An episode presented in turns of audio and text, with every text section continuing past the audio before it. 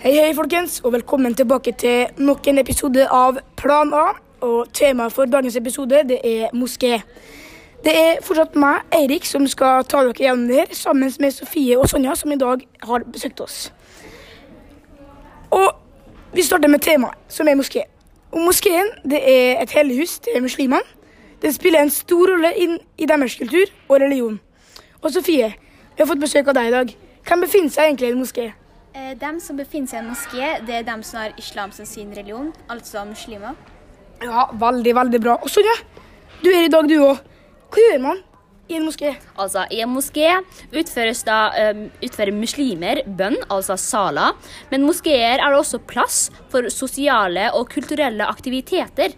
Altså, Det foregår også undervisninger det, der eh, små barn og ungdommer ble undervist i selve uh, Koranen, deres hellige bok, av læreren imanen, altså bønnlederen. Og voksne samles da der for å løse opp et par spørsmål om uh, deres samfunn. Veldig, veldig bra, jente. Vi tar en kort liten reklamepause til, og vi er tilbake straks med nye tema. Hallo, og velkommen tilbake til Plan A igjen etter en liten reklamepause. Uh, og Sofie hadde et spørsmål til meg her nå i pausen. Og det var hvordan ser egentlig en moské ut, og det skal jeg prøve å svare på nå. Når den første moskeen ble bygd av Mohammed i Medina, ble høye burer omgitt av rektangulære gårdsplasser, og deler av plasser var dekket av eh, skygge. Men nå finnes det mange flere og ulike former av en moské rundt om i verden. Men grunnelementene må være like. Moskeen skal alltid være orientert mot Mekka, og orienteringen, kipla, markeres ved en nisje, mirab, som er veggen i moskeen. Moskeen er ofte dekorert med plantemønstre, mønstre med geometriske formler eller med kalligrafi, som er en slags skriftkunst. Og så, Sonja, hvem, hvem styrer egentlig en moské? Eh, Den som styrer moské, er da presten, som vi kaller for en eh, kristen kirke. Og f.eks. for eksempel i jødedommen så har vi krystallnatten. Ja, krystallnatten. Men eh, i eh, Spesifikt i eh, moskeen så er det en imam, eller et annet ord, sjeik, eller sal på arabisk, som styrer i en moské. Men alltid må han tilbake til Koranen og Mohammed sine lover når han skal jobbe med saker og andre eh, deler av når, noe som har selvfølgelig med moskeen å gjøre, fordi de skal gå etter loven i Koranen. De skal alltid følge Koranen. Ja, skjønner. Eh, Og er det egentlig forskjell mellom menn og kvinner i Ja, moské? er det egentlig det? Ja. Eh, Det eneste er at de ikke kan sitte sammen og ikke blandes når de ber, eh, fordi Koranen sier at hvis en mann ser ei søt og attraktiv jente, vil han være foretrukket av henne. Men siden han er i moskeen for å be, må han bli foretrukket kun av Gud.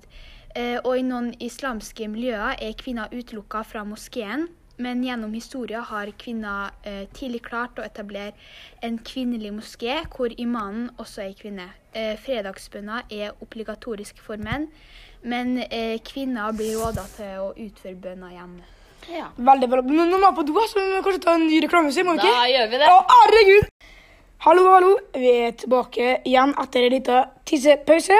Uh, vi har fått inn tre spørsmål fra noen interesserte seere. Første spørsmålet er eh, fra Emil, 14 år. Og det er hva finner man i en moské? Og det har jeg tenkt å svare på nå. En moské har en kuppel, altså en grunnplan, som er en sirkelforma på toppen, og som symboliserer himmelen, to eller flere smale tårn og minare. Fra minaret blir det ropt inn til bønn, og det symboliserer at Gud alltid er nær. Islam har ingen rutiner som forutsetter helligdom, men, den er, men den, en bønnerutine kan gjennomføres hvor som helst på arbeidsplass eller hjemme. Og da, Sofie, hva er egentlig sammenhengen mellom Koranen og moskeen? Um, alt som skal skje i moskeen, uh, må være fra Koranen. Dvs. Si at Koranen har bestemt hva som uh, skal gjøres i moské, da, og det er da sammenhengen. Uh, neste spørsmål er fra Selma, 15 år, og hun lurer på hva er kalligrafi. Vel, eh, moskeen er jo da pynta med masse planter som skal minne om Gud, og at Gud har skapt liv og paradiset som er frodig i hage. Også geometriske lovmessige skal også minne om at Gud i denne verden har skapt hele verden også. Ja. Eh, kalligrafi består av tekster fra Koranen om Gud og Mohammed. De har dominerende eh, dekorasjon av blåfargen fordi blå eh, symboliserer himmelen, som igjen skal minne om Gud. Alt i moskeen eh, skal si noe om Gud, men samtidig skal eh, skjønnheten være en eh, annen måte å ære Gud på. Ja, da kan jeg bare fortelle på den egentlig at Kalligrafi det er en skrivekunst som er høyt utvikla innenfor islam. og De skriver koraner, eh, verser eller Mohammeds fortellinger for hånd på en fin måte som kunst enn den vanlige. Eksempel betyr de tre forskjellige skrivene det samme som betyr i Allahs barmhjertiges navn. Det brukes på moskeer rundt om i hele verden. Og kalligrafi er kunsten å skrive skript på en slik måte å uttrykke skjønnheten av det som blir skrevet i dannelsen av bokstavene selv. Nå, kjære seere, er tida snart ut. Men la oss oppsummere litt da, for fantastiske eh, seere. Moskeen er et samlingshus eh, der hvor mange muslimer, altså folk som følger de islamske røttene og følger sporene etter Koranen og profeten Mohammed, pleier å samles. De kommer til moskeen i f.eks. høytida for å be sammen, men da er det som oftest bare menn som deltar i moskeen, mens kvinnene er hjemme med barna. Men nå pga. korona har jo også mye stått i vent. Akkurat som alt annet har også moskeen rundt om i verden vært stengt. F.eks. koranskoler har blitt satt på vent, men koranskoler i Europa er jo da mye mer moderne med teknologi, og mesteparten av folka har jo selvfølgelig internett hjemme. Så da har imanen, altså eh, bønnlederen, klart å kontakte andre folk via Skype eller andre typer enheter. Men noen noen venner av meg har også gjennomført det her med å ringe imanen. Ja, jeg skjønner, men, men i andre deler i verden, som i Afrika eller i Midtøsten, har det ikke vært eh, slik. Eh, men f.eks. hvis man tar utgangspunkt fra der du kommer fra, altså f.eks. Eritrea da, eller Afrikas første moské eller der er halvparten av innbyggerne muslimer. Og siden en god del land i Afrika ikke har wifi, så har ikke mange kunnet ha kontakt med imanene. Ja. Ja, og det er jo det med smittevernreglene som har ført til at det er blitt eh, nødt til å holde avstand fra moskeen. Akkurat det samme eh, skjer med kristne, jøder, buddhister og hinduister. ja, men selv om de ikke har kunnet samle seg, så har de jo holdt håpet oppe. Og Koranen har jo vært en veiledning for dem da, til, i denne vanskelige tida, sammen med alle andre av oss. Nå er da flere moskeer åpne rundt om i verden, noe som er veldig koselig. Og folk kan da samles igjen og gjøre sala, altså be sammen.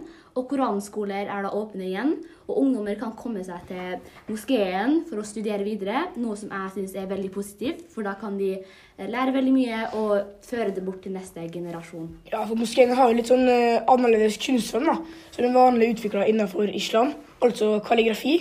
Eh, og kalligrafi er jo kunsten å skrive skrift på en slik måte å uttrykke skjønnheten av det som ble skrevet i dannelsen av bokstavene på arabisk. Eh, men det er også dekorert rundt om i moskeen med kalligrafi, eh, som skal minne om at Gud er den store, og at han har skapt alt liv på jorda. Ja, det er jo riktig, Sofie. Men da er jo tiden ute. Eirik og Sofie, og takk for at vi fikk være med. Nei, det var bare hyggelig. Velkommen tilbake når som helst.